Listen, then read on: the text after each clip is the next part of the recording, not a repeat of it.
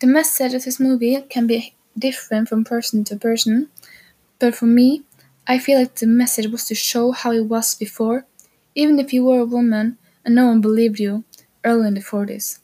But when you started to stand up for yourself and did what you had to do, they respected you more. People just want power for themselves and don't care about others. It was a great movie, even though I don't like movies with war and that kind of thing. And it was kind of hard to understand everything that happened, so I had to read a bit uh, about the movie before I started writing. It was many cool effects in the movie. They used wind, lights, and sound effects when Joan meets God. And the effects were pretty good to be so old, and it was some scary Catholic music which made it look really real.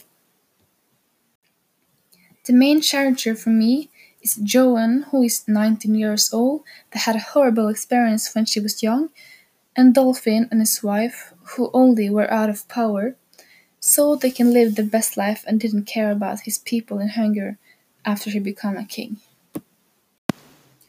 The society is bad, all the people in England is in hunger, and they have bad and ripped clothes. They are also very poor. This happened early in the 40s, and when she met the judge before going to jail, they all were Catholics too.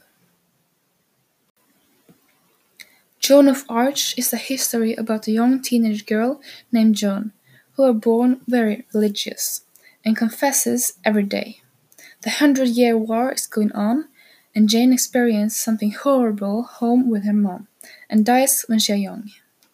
That's when she becomes more and more religious. She starts to discover signs from God, and later, when she knows her mission of bereaving uh, friends of England, and she starts to reach out to make that happen. She gets tricked by Dauphin after he becomes a king and doesn't need her anymore, because he isn't in a military problems anymore. Then Joan gets set up in his trap and it ends with jail. Then she was burned alive only when she was 19. The Messenger, the story of Joan of Arc. It was released in 1948, directed by Victor Fleming-Garn. It is a historical fiction for the most is about religion and how important that is, so it was much Catholic music in it.